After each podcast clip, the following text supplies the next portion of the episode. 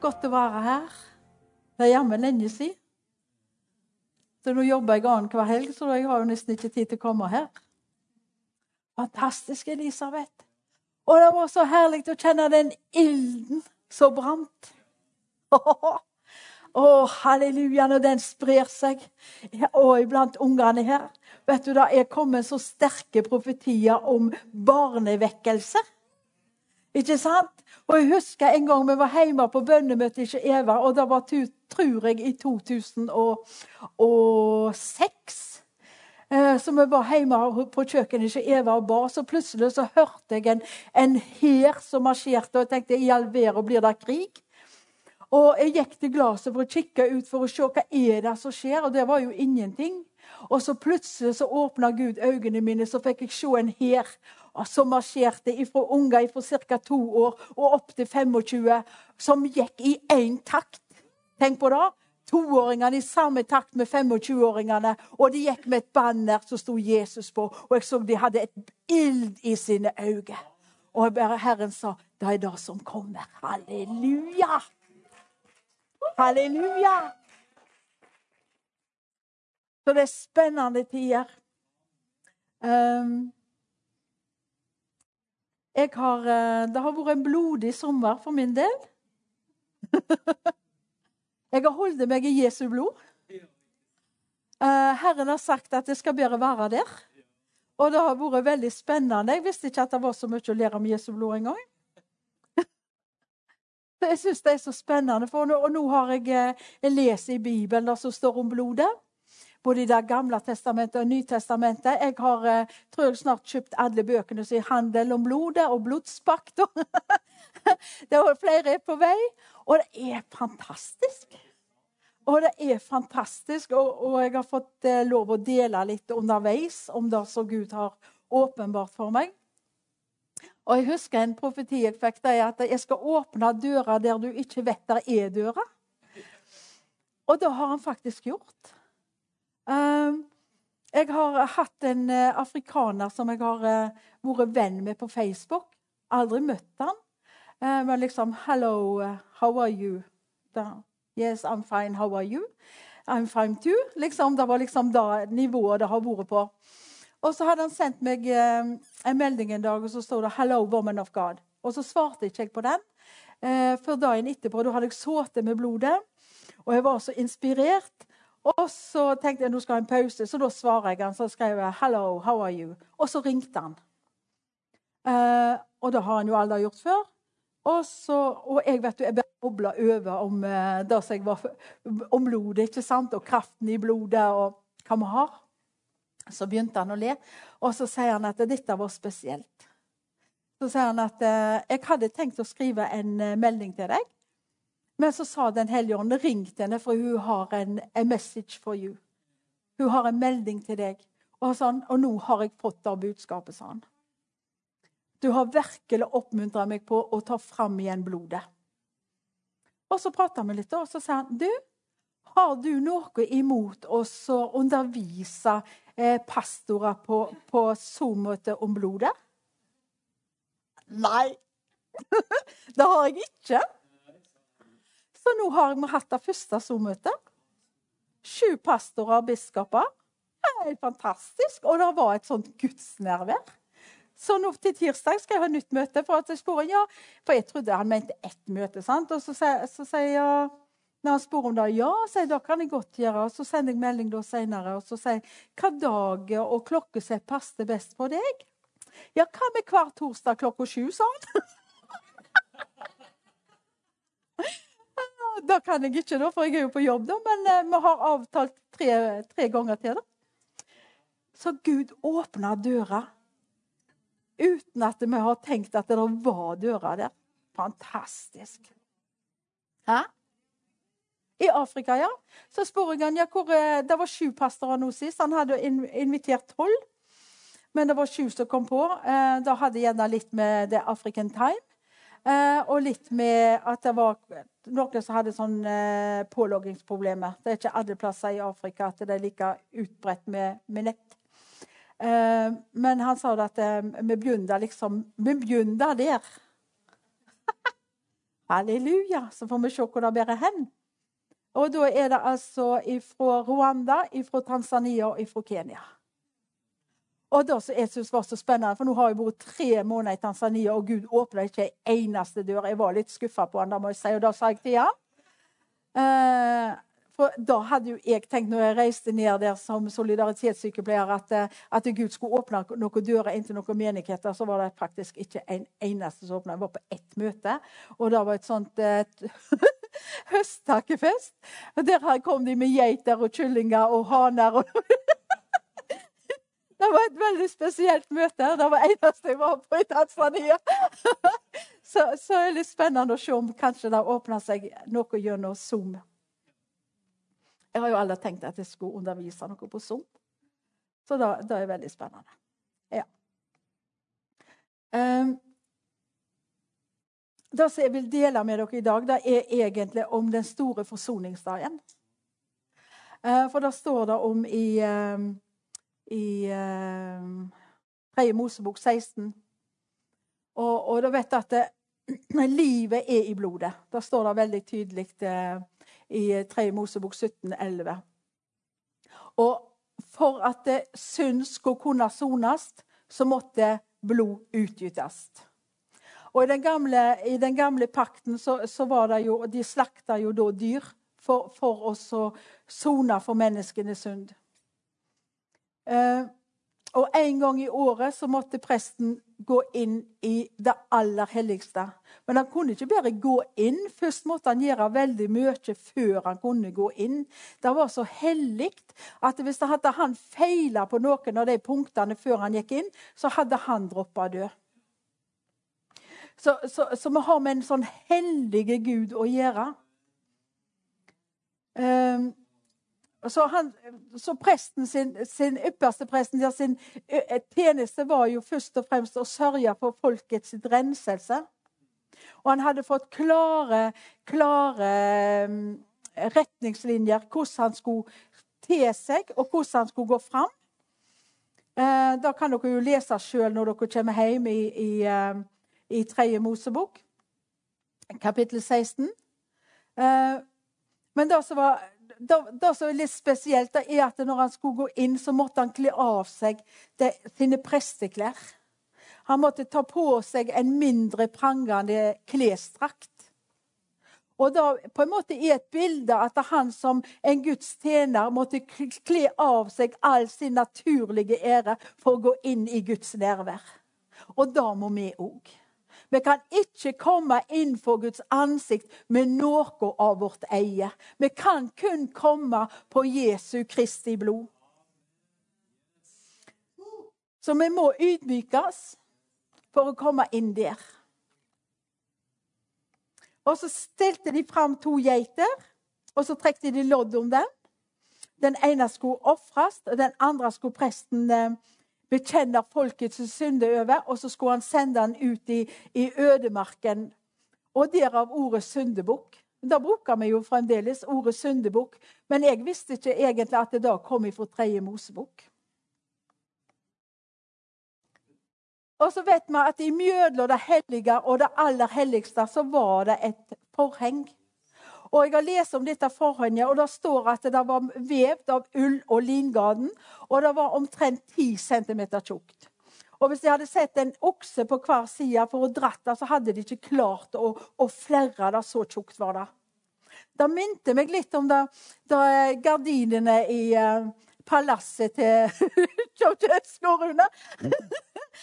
Det var eh, da vi var på tur der, for der var sånne tjukke gardiner som var liksom i den flotte eh, trappa opp, og så sto det 'Don't touch'. Og da vet du, eh, Rune og meg er ganske like på enkelte områder, fant jeg ut på den turen, for begge to var borte. og så kjente på den. Og det var sånn tjukke gardiner. Så når jeg leser om dette forhenget, så kom den der, den der um, hendelsen for meg. Uh, så det var mye arbeid som var lagt ned i det forhenget der. Og det skulle være så sterkt at det var ingen som skulle kunne komme inn der. For kom de inn der, så hadde de droppa død om. Og inni det aller helligste så var det et røkelsealter av gull og paktens ark som var kledd med, med gull. Det var gullkrukke med manna og Arons stav som spirte, og paktens tavle. Og så var det nådestolen, da. Og så var det kjeruber som, som, som vokta over den plassen. Det overskygga soningsstedet. Og egentlig så er det bildet vi ser inn i, uh, åpenbaringsboka med disse kjerubene som står. Halleluja. Og inn der kunne han gå når han hadde soner for seg og sin familie sine synder. Når han hadde avkledd seg eh, sine prangende presteklær, så kunne han gå inn der når han trodde han var ren nok til å kunne gå inn. For da hadde da blodet som han hadde, hadde ofra for sine og familiens synder, blitt godtatt av Gud. Og Der gikk han inn kun én gang i året. Men han kunne ikke gå inn der selv om han da hadde ofra for seg og sin familie. Så kunne han ikke gå inn uten blod. Så han gikk inn der med, med, med blodet av den bukken som var, som var eh, ofra. Så står det ifra, ifra eh, vers 18 så skal han gå, gå ut til alteret som står for Herrens ansikt, og gjøre soning for det. Han skal ta litt av okseblodet og litt av bukkeblodet og stryke det rundt om alterhornet. Sju ganger skal han skvette noe av blodet på alteret med fingeren, rense det for israelittenes urenhet og gjøre det hellig. Og først etter han hadde gjort det, så kunne han føre fram den bukken som skulle bære folkets synder ut i ødemarken.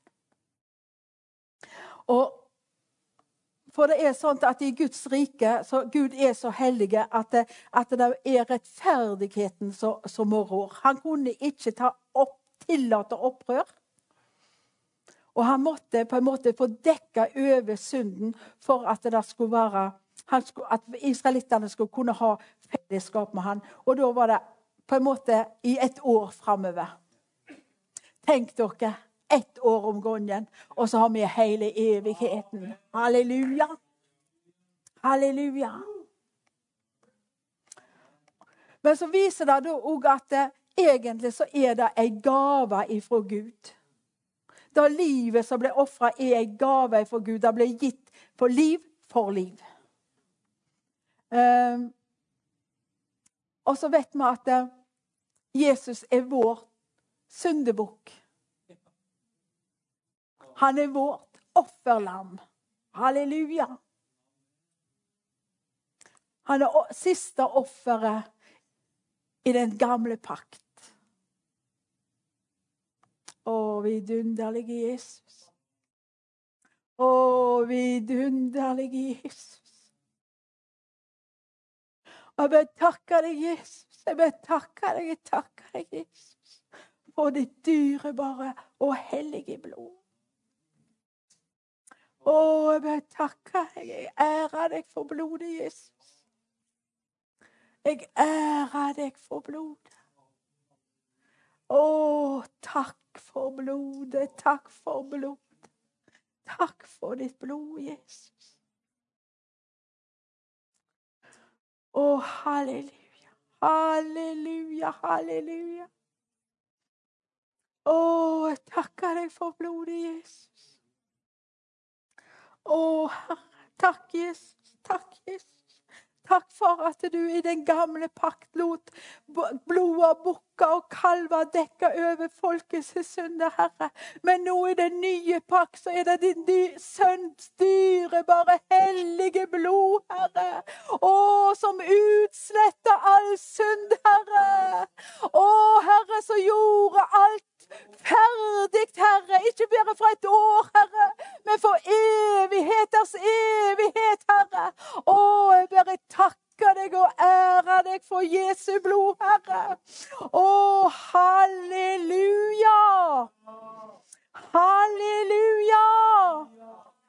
Å, takk at du gikk i døden, Jesus. Du ble regna iblant overtredelser, Herre. Men du bar vår synd, Herre.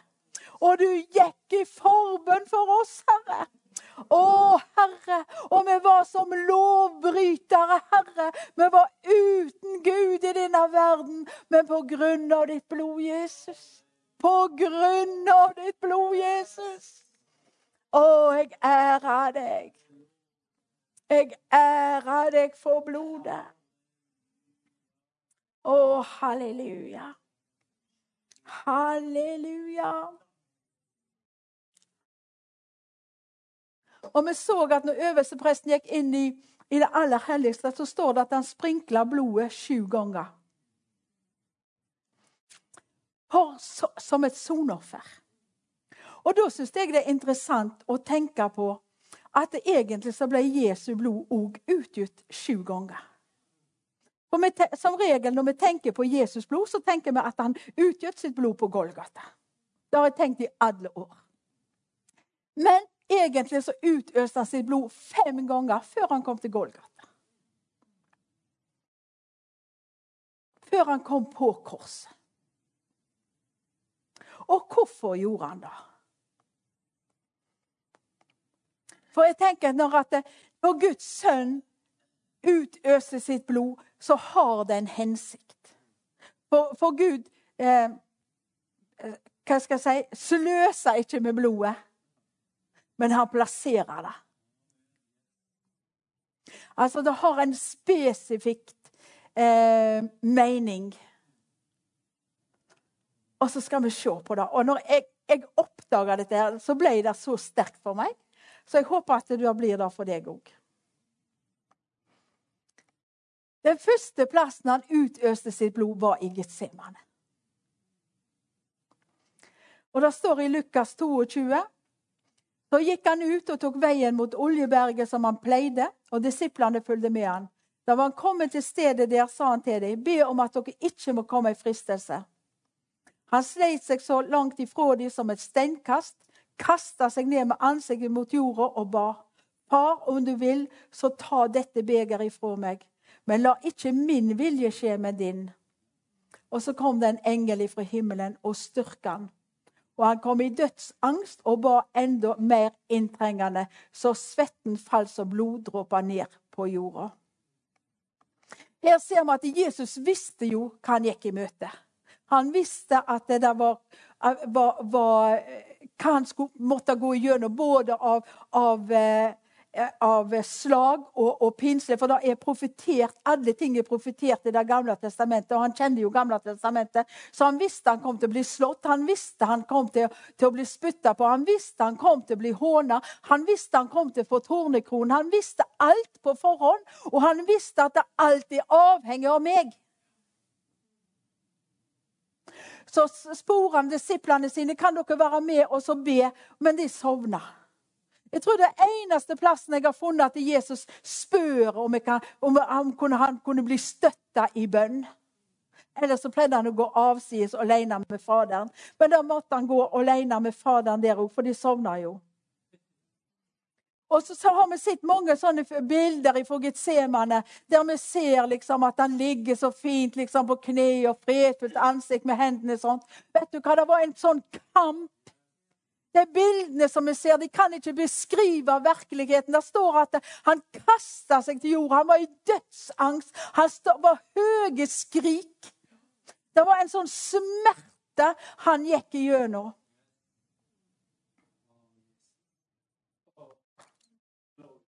Og jeg husker når jeg var i Getsemane For at jeg skulle, skulle for første gang til, til Israel.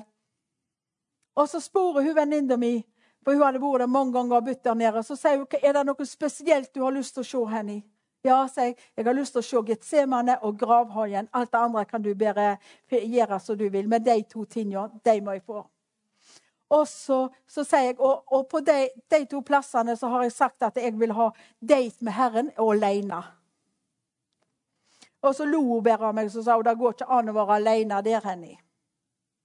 Der er alltid mye folk.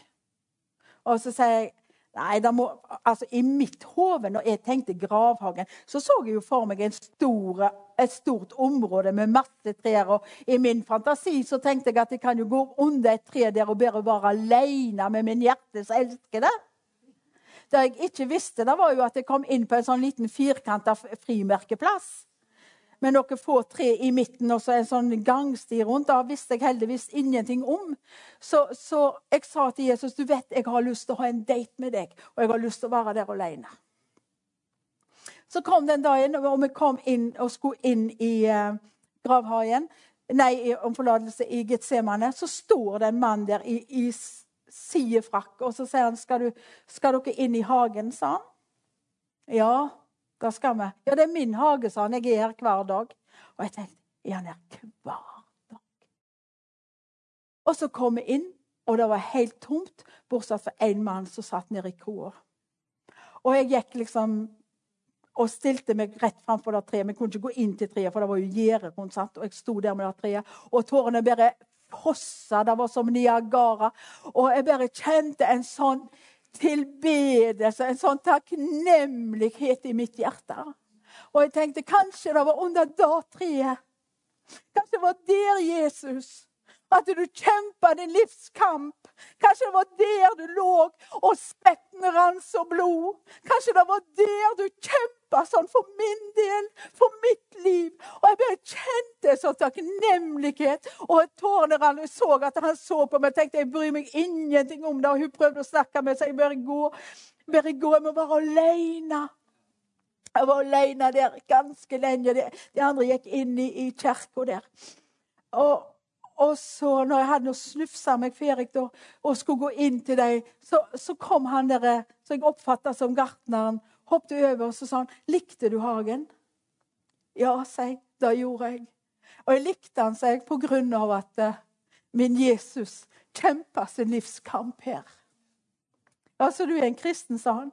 Ja, sa jeg. Vet du, jeg elsker Jesus av hele mitt hjerte. Så han og kikka på meg litt, og så sa han, 'Vent litt', sa han. Så hoppet han inn igjen, og så tok han to kvister og oljetre, og så ga han til meg. Vet du, Det var nesten å få en himmelsdiamant. For jeg visste da at det, det, det gir ikke ut kvister fra oljetreet til alle, for da hadde det ikke vært tre igjen. Og så sier jeg til deg og venninna di, sa han. Jeg bare holdt det der. vet du, Jeg var så sterkt. Og så jeg gikk inn i kirka og bare satt og tårene rant. Jeg klarte ikke å be. jeg klarte ingenting. Det var bare sånn takknemlighet i mitt hjerte. Og så når vi skulle gå, for jeg sa det til henne. Det er en til deg. Nei, sa hun. Hun ville ikke ha den. Det er til deg. Og så sier hun men det var en til hver av oss. Nei, nei, nei. Og så gikk hun ut først, og så, så kom jeg etterpå. Og så eh, ja, så, så skulle vi gå, da, så liksom sto han der, og så vinka jeg til han og bare kikka på meg, liksom. Jeg så aldri hadde sett meg tenkte å, rar opp, oppførsel på han. Og så sier hun at jeg sporer etter altså, Tror du vi gir ut av det? Hadde han sagt til henne, for hun hadde spurt om hun kunne få en. Nei, da gir vi ikke ut. Og så, ja, så gikk vi ut, og så står den mannen der fremdeles. Så kikker han på meg og så sa han, 'Likte du hagen?' Ja, altså. Det var helt fantastisk. Så sa han, 'Da kan jeg gå hjem'. Jeg vet ikke hvem han var. Men jeg glemmer aldri det øynene hans. Tenk du. Der kjemper han sin livskamp.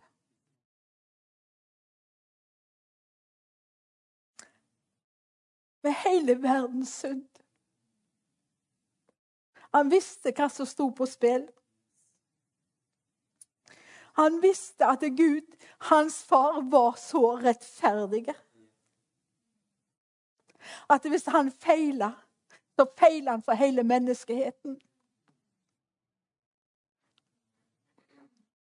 Og den dødsangsten han var i.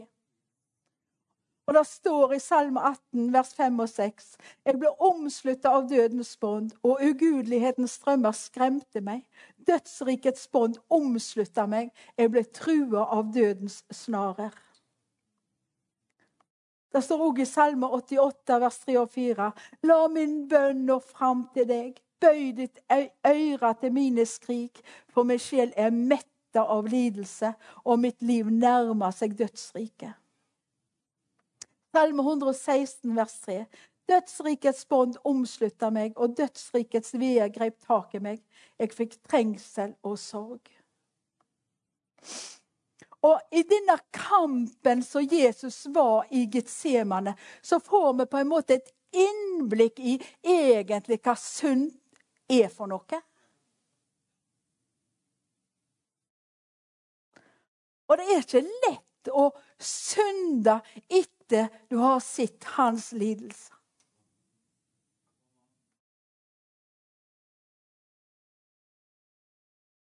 Tenk at han kjempa den evige døden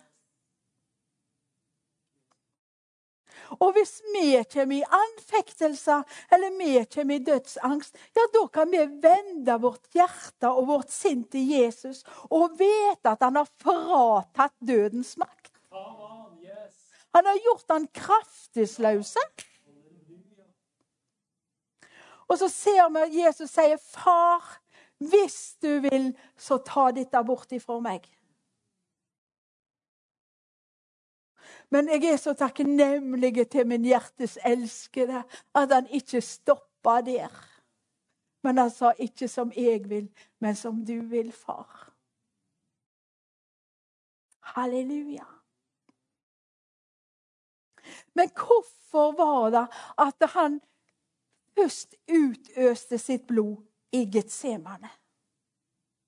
Var det kun for at han var så redd for det som lå framfor han? Var det kun for at det var da at han kjempa med det som lå framfor han? Eller har det en djupere mening? For Hvis vi går tilbake til, til første Mosebok, så leser vi om, om fallet i Edens hage. Og etter at Adam og Eva hadde synda med Gud, så sier Gud at på grunn av det så skal jorda være forbanna. Så da så egentlig Den forbannelsen som starta i en hage, blir oppheva i den neste hagen. På grunn av at han måtte oppheve den forbannelsen som hans far hadde uttalt imot synden, før han kunne gå inn og, og på en måte sone for syndens konsekvenser. Halleluja! Halleluja! Halleluja! Så Jesu blod var der å oppheve forbannelsen. Og hva betyr det at Jesu blod opphever forbannelsen for vår del? Halleluja! For hans blod reverserer alle ting, så at vi kan gå inn i det fullkomne fellesskapet med Faderen som Adam hadde før syndefallet. Halleluja! Vi er ikke under forbannelsen når vi har tatt imot Jesu Kristus og rensa i hans blod. Nei, vi er satt over i hans elskede sønns rike. Oh, halleluja! Og vi ser at når han var ferdig, hans blod hadde rent på den jorda som var forbanna. Vi husker på at dette var ikke hva som helst blod, men det var Guds sønns dyrebare, hellige blod så ser vi at han reiste seg opp med en besluttsomhet. Og gikk da som han visste kom i møte. Da visste han at det, nå er den forbannelsen brutt. Mitt blod er sterkere enn noen forbannelse. Uansett hva forbannelsen skulle være under, så er Jesu Kristi blod sterkere enn enhver forbannelse og bryter kraften i enhver forbannelse. Halleluja! Og så ser vi at han blir ført til, til Kaifas hus. Og der ble ansiktet hans skamsleie. Det står at de spytta på han. Tenk å spytte på Guds sønn og slo han med knyttnevene. Og de slo han med håndflater, og de sto, slo han med staver. Det, det står i Mika 14. De står med slaven. Med staven står, slår de Israels dommer på kinnet. Og i Jesajas 50, vers 6, så står det Jeg overgav mine kinn til de som nappa ut skjegget. Jeg skjulte ikke mitt ansikt for skam og spytt. Tenk du. Nappa ut skjedde. Jeg kan jo ikke tenke meg hvor smertefullt det har vært. Altså, jeg kan jo ta en pinsett og ta et hår som vokser ut. Men altså, det, det er snakk om fullskjegg, ikke sant? For de ortodokse bar jo et langt skjegg, og da gjør de fremdeles. Og da er symbolet på ære. Du kommer aldri til å se en rabbiner uten langt skjegg. Og Det er jo derfor det står om at oljen rant ned i Arons skjegg. ikke sant? Det var ære for presteskapet å ha det lange skjegget. Så Jesus bar, bar dette skjegget. Og han må ha vært så ordinere at han kan ikke ha skilt seg særlig ut utseendet heller, for de kom jo spore etter hvem han var. Så det var ikke sånn, sånn som vi ser han, at det er den flotte figuren, ansiktet som skiller seg ut fra alle andre. Nei, jeg tror han var veldig ordinær. Og han bar skjegg så de nappa ut. Og det gjorde de for å ydmyke han offentlig. Men han gjorde ingen motstand. Det var altså en sånn skam å få fjerna skjegget offentlig. Og hva var det Adam og Eva gjorde etter syndefallet? Jo, de var full av skam. De gikk og gjemte seg. De vågde ikke å ha fellesskap med Faderen lenger. De hadde jo vandra med han hver eneste kveld, og plutselig så gjemte de seg i buskene. Og Gud sa, 'Hvor er dere?' Og nå, så, så, sier de at 'nei, vi var nakne'. Ja, hvordan i all verden vet dere at dere er nakne? Herligheten hadde veket ifra dem. Så de prøvde å skjule seg på sin egen måte. Men vet du, Jesu blod har brutt all skam. Jesu blod har brutt all skam. Halleluja. Halleluja. Som om du har skam i ditt liv, så kan du bare dekke det med Jesu blod. Og hans blod bryter kraften i skammen i våre liv. Vidunderlige Jesus. Tenk at de knuste hans ansikt og vanser han sånn at det var ikke lik et menneske. Men med ansiktet er jo det som vi viser andre mennesker, ikke sant? Det er vårt image.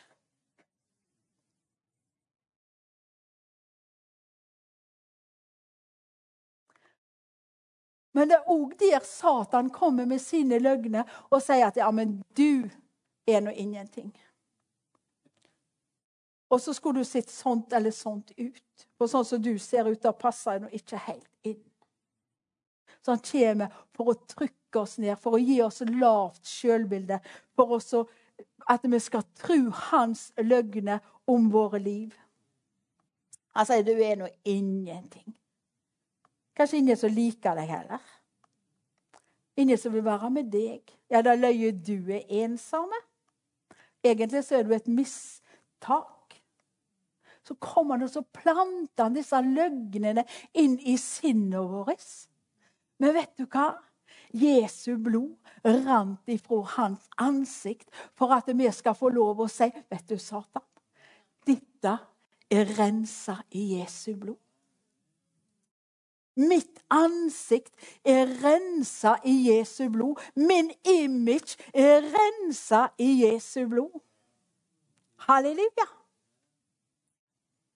Halleluja. Å, for da kan han, hans, hans ansikt lyse over oss, og skal vårt ansikt lyse tilbake. Vidunderlig Jesus. Vidunderlig Jesus. Tenk at hans blod rant til helbredelse fra ditt og mitt sjølbilde. Og at vi kan bli mer like han. Det står at det er de som han på forhånd har vedkjent seg, det har han også på forhånd bestemt seg til å bli forma etter sin sønns bilde. Så han kan bli den førstefødte iblant mange søsken. Og hvis vi skal bli forma etter hans bilde, da må vi få se han se oss med hans øyne. Halleluja.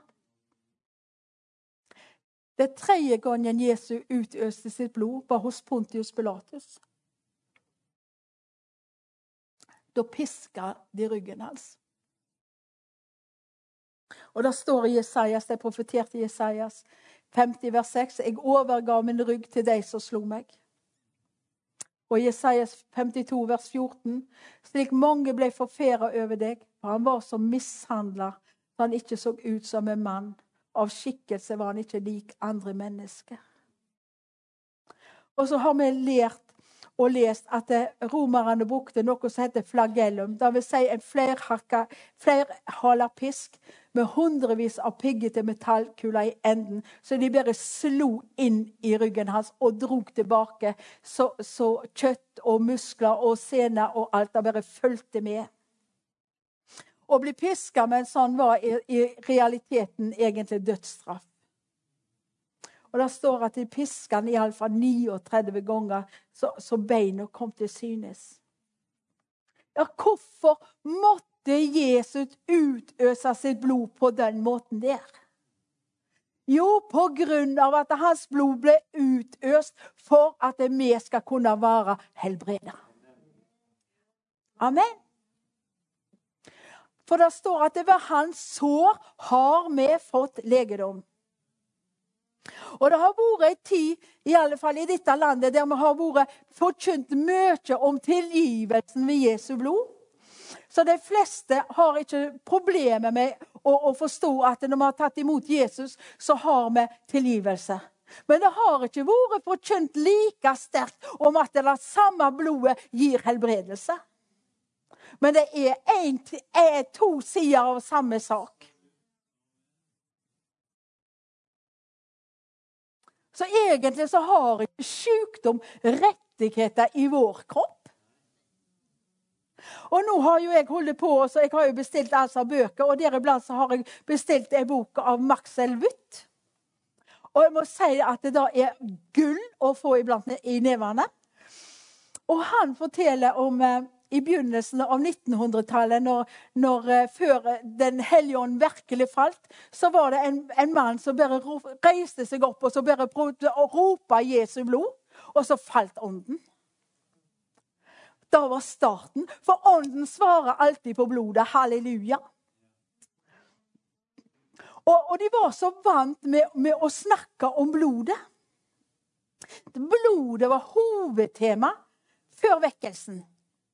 Og så sa Herren til meg tidligere når jeg spurte han, hva er, er din strategi for vekkelsen i, i, Grenland og i Norge. Og så sa han grav opp igjen de gamle brønnene. Og jeg har jo vært på jakt etter disse gamle brønnene. Og så sier han når jeg holder på med blodet, og så sa han her er en brønn. Halleluja. La oss grave han opp.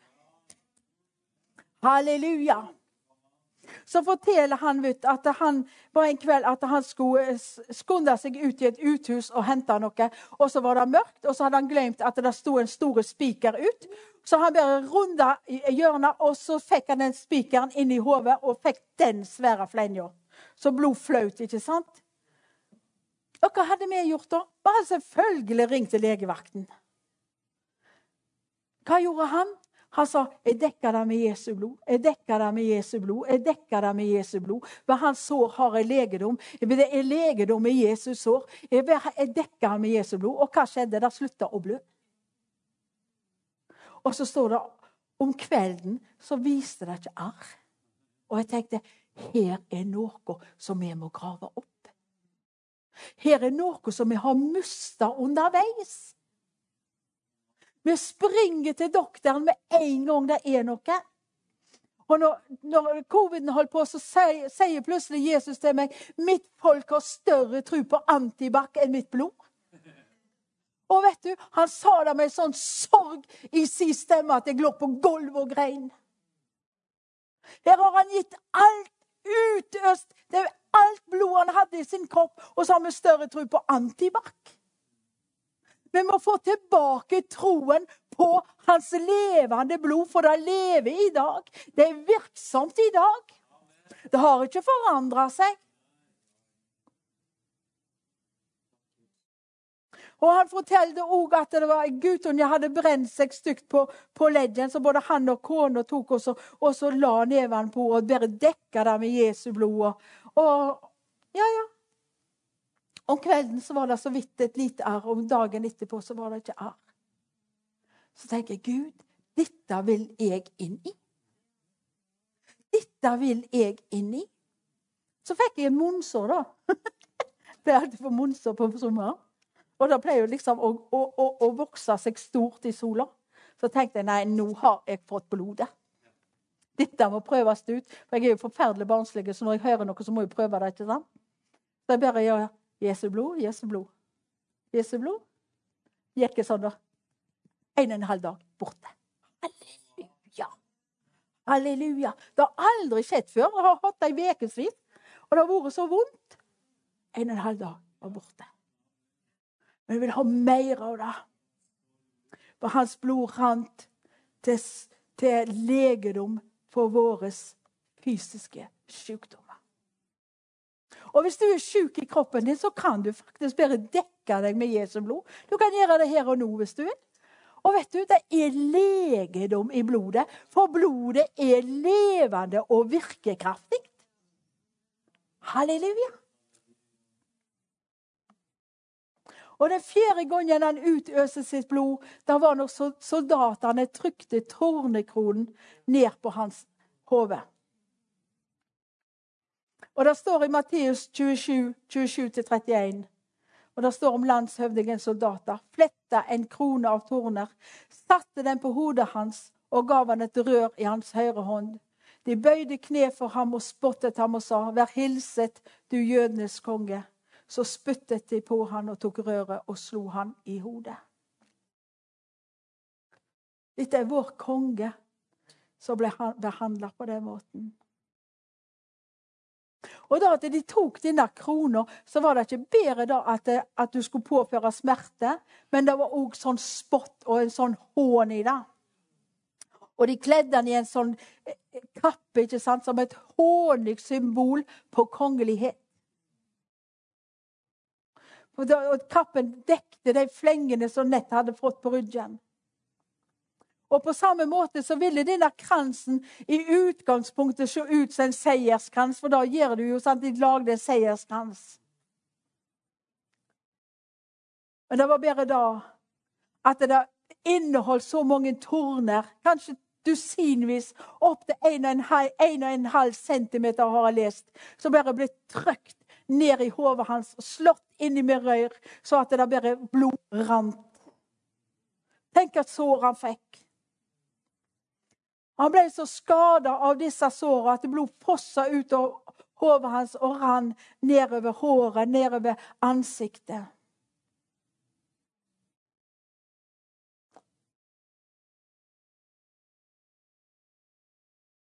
Men så tror jeg at det der blod som rant ifra hans hode, er til helbredelse for vårt sinn. For våre tanker, for vårt følelsesliv. Halleluja. Halleluja. Og jeg tror at det er et symbol på at Jesus vet om vår smerte. Kanskje vår skjulte smerte. Men det er òg et symbol på hans evne til å lege og sette oss fri ifra dem. For det er mange iblant oss som ber på smerte, og det er et ordtak som sier at eh, øynene kan smile og munnen kan le. Men sorgen i hjertet kan ingen se. Men så vet du da at det frelseren, han ser virkelig. Halleluja. Han ser hver smerte. Han samler hver tåre. Og han er full av barmhjertighet. Så han vet hvordan han skal lege oss. Han vet hvordan han kan sette oss i frihet når vi kommer til han med våre byrder. For han er han er den balsamen som kan lege djupe sår, skjulte sår. Halleluja. Og den kronen som han holder fram for oss, i sannhet sier Herrens krone. Vidunderlige Jesus.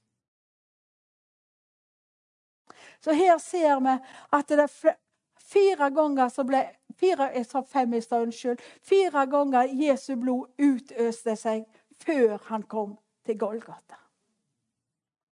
Så når han kom til Golgata, så ble hans hender gjennombåret. Og da står det i salme, profetert i Salme 22, 17. Og derfor visste han hva Han visste Han kjenner jo Guds ord, ikke sant? Og det står at jeg er omringet av hunder. De åndes forsamlinger omslutter meg. De har gjennomboret mine hender og mine føtter. Så Naglene ble kjørt inn i hendene hans, og blodet rant nedover armene og sida hans. Så sier han, Se, jeg har tegna deg i mine hender. Dine murer er alltid foran meg. Halleluja. Tenk at når han ser på sine naglemerkede hender, så ser han oss. Og han ser oss gjennom nådens briller. Og vi er så nærme han som hendene er nærme kroppen hans. Halleluja. Som om du skulle føle deg langt borte fra Jesus, så er det ei løgn ifra Satan. For hvis at du bare vil komme ned, så sier han 'Å, der er hun'. Der er han. Halleluja. Og det er ingen makt i denne verden som kan stryke deg ut. Og han har tegna deg med sitt eget blod. Derfor kan han ikke glemme oss heller. Og det står i Jesajas 49, vers 14 og 16. Herren har forlatt meg, men Gud har glemt meg. Ja, sånn kan det føles av og til. Jeg må si det, jeg må være ærlig at jeg har følt det mange ganger. Men jeg har òg fått erfart det som Herren svarer. Kan en kvinne glemme sitt diende barn og ikke ha ømhet for sønnen hun fødte? Og selv om en mor kan glemme, så vil jeg aldri glemme deg. Jeg har tegnet deg i mine hender, dine murer står alltid for mine øyne, sier Herren vår Gud. Tenk at han har omsorg for oss. Tenk at han beskytter oss. Halleluja. Jeg tror at de som føler seg svake og, og skrøpelige, står sterke i Herrens hånd. Og så vet vi at Guds hånd var rakt ut for å straffe alle folkeslag og nasjoner som var opponerte imot hans vilje. Vi leser det gjennom hele Gamle testamentet at eh, folket og herskerne måtte ta konsekvenser av sine gudløse holdninger og vonde handlinger. Og vi ser at Guds utstrakte, straffende hånd, hans harme, hans vrede, går på en måte som en understrøm gjennom hele Bibelen. Men når Jesus kom der på Golgata, så endra han verdenshistorien. Halleluja. På korset ble hans hender og armer strakt ut. Med Jesu naglemerkede hender så tok han vreden, så Guds vrede over synden. Halleluja. Halleluja. Så Gud er ikke vred på deg lenger. Jesus har tatt den vreden på seg. Han bar konsekvensene av vårt frafall. Og Det som er så vidunderlig med evangeliet, det er at vi kan få lov å leve i skyggen av Jesu utstrakte hender. Vidunderlige Jesus. Og det er ikke noe ting som kan ta og viske oss ut derifra. For våre synder ble nagla på korset. Halleluja.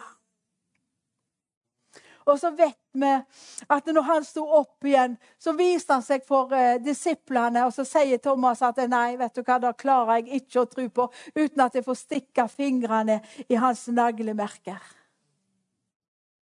Det var ikke ei bønn. Det var bare et utsagn. Det står ingen plass at Thomas sa Gud, må komme og åpenbare deg, så jeg får stikke fingrene i naglemerkene dine. Det har jeg ikke funnet noen plass. Det var et utsagn av et ærlig hjerte. Og så kom Jesus og sa, 'Thomas, kom. Stikk fingrene i, i naglemerkene og i sida mi.' Du, han hører alt som vi sier. Halleluja! Halleluja! Vet du, Jesu hender er hans identitetskort. Ha? Derfor måtte han vise hendene sine til Thomas. For, for da visste Thomas at det var Jesus som sto der. Og i dag er det oss han rekker sine hender til, og han sier, 'Fred være med deg'. Halleluja. Og jeg tror at Jesu hender òg ble eh, nagla til korset for vårt arbeid. For våre prøvelser og for vår tjeneste. For uten hans blod kan han ikke grunnfeste våre henders arbeid. For det står i Salme 90, vers 17.: Og må Herren vår Guds herlighet være over oss. Må du fremme våre henders gjerning for oss, ja, gjøre våre henders gjerning trygg. Halleluja. Derfor kan vi bare få lov å bare dekke vår, våre henders verk med Jesu blod. Vår tjeneste med Jesu blod, vårt arbeid. Er ikke det fantastisk? Halleluja. Han begeistrer meg. Den sjette gangen Jesu blod rant, var når hans føtter ble nagla til korset.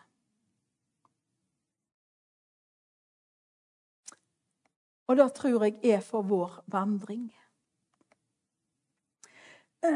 For han sier at det i Johannes 13, 10, den som er bada, trenger bare å vaske føttene, for han er ren over det hele.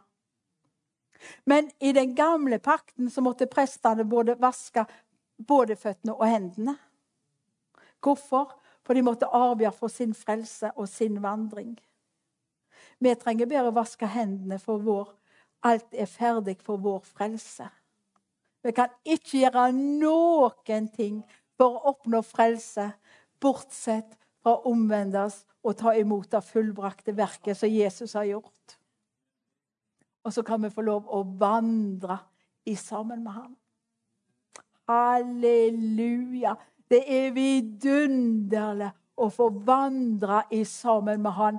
Ha det intime fellesskap med han som Adam og Eva hadde i hagen før syndefallet. Der de kunne snakke ansikt til ansikt, der de kunne få vandre i sammen. Halleluja.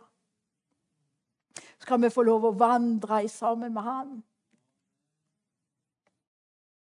Og så står det i 1. Johannes 1,7.: Og hvis vi vandrer i lyset, slik han selv er i lyset, da har vi fellesskap med hverandre. Og Jesu Kristi hans blod, sønns blod renser oss ifra all synd. Halleluja. Så hvis vi vandrer i lyset, så har vi automatisk fellesskap med hverandre òg. Er det ikke vidunderlig? Og han vil jo enhet, så det er jo herlig. Den sjuende og siste gangen så Jesus utøste sitt blod, det var når hans side ble gjennomboret av spydet.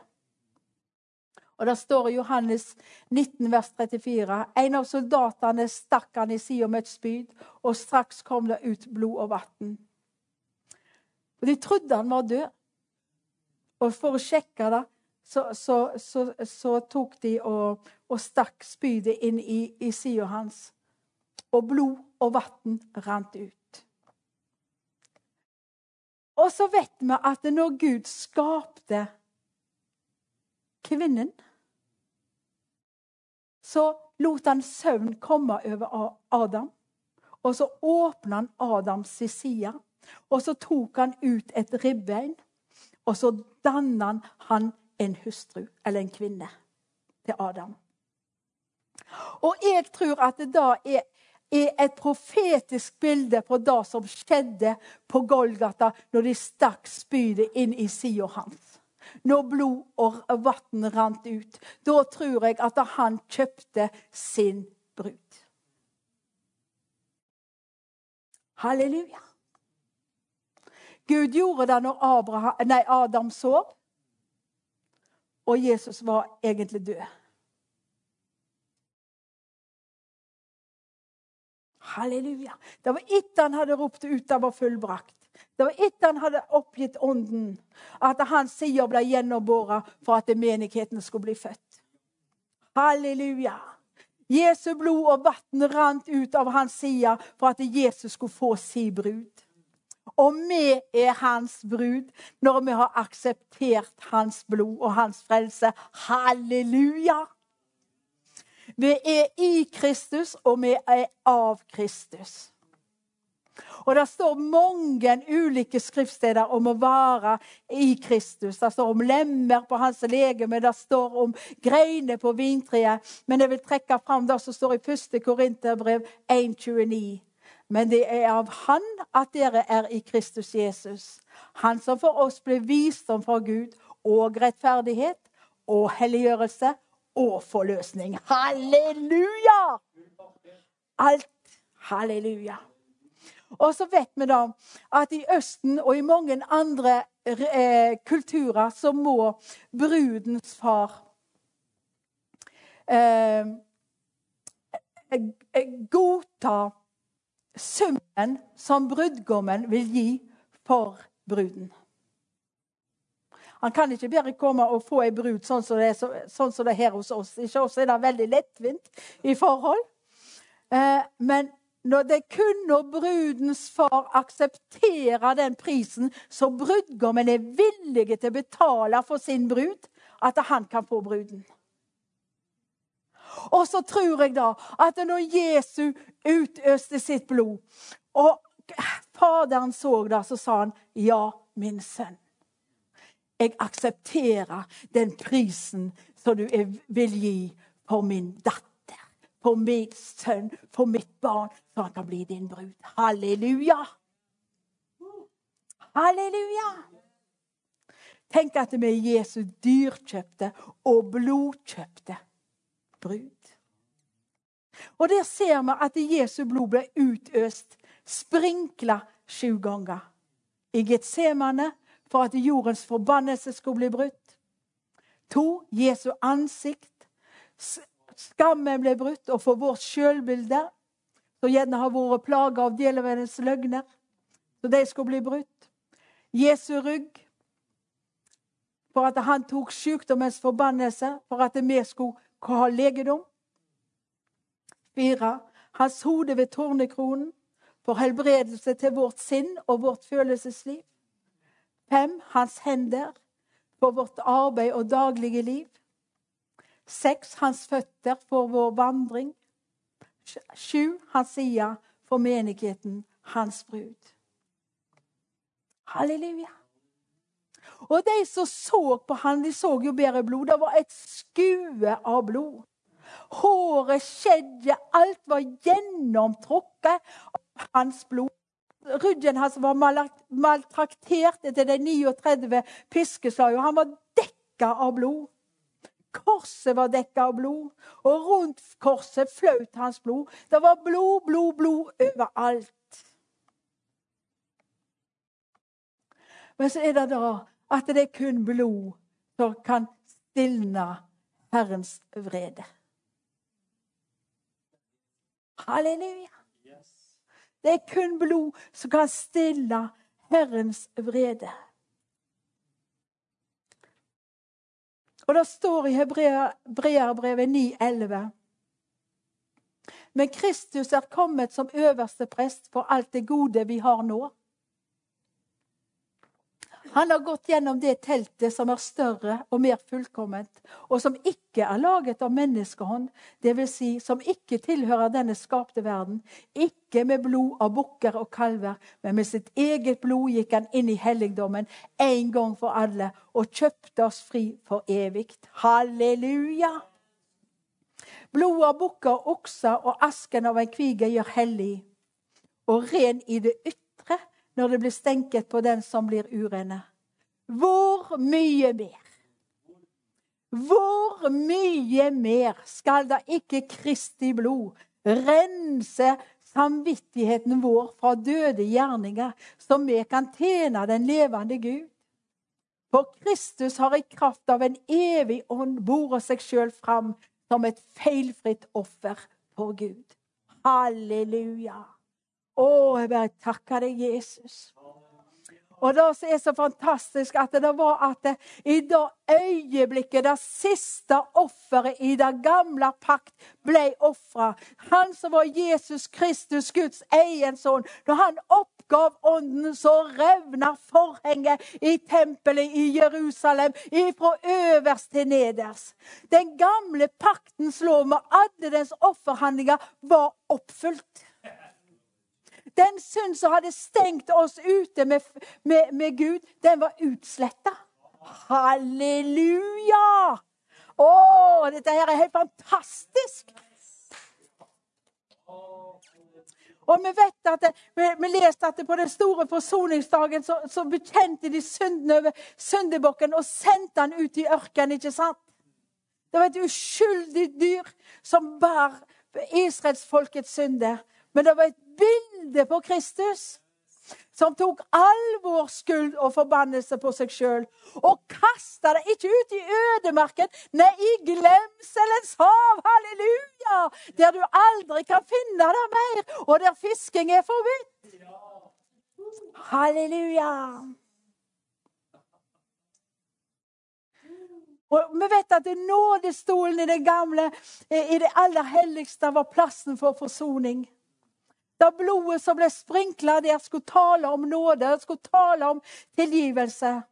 Og vi kan heller ikke, vi som lever i dag, kan heller ikke nærme oss Gud på noen annen måte enn via offeralteret. For det er der blodet som godtgjør det som er skyldige.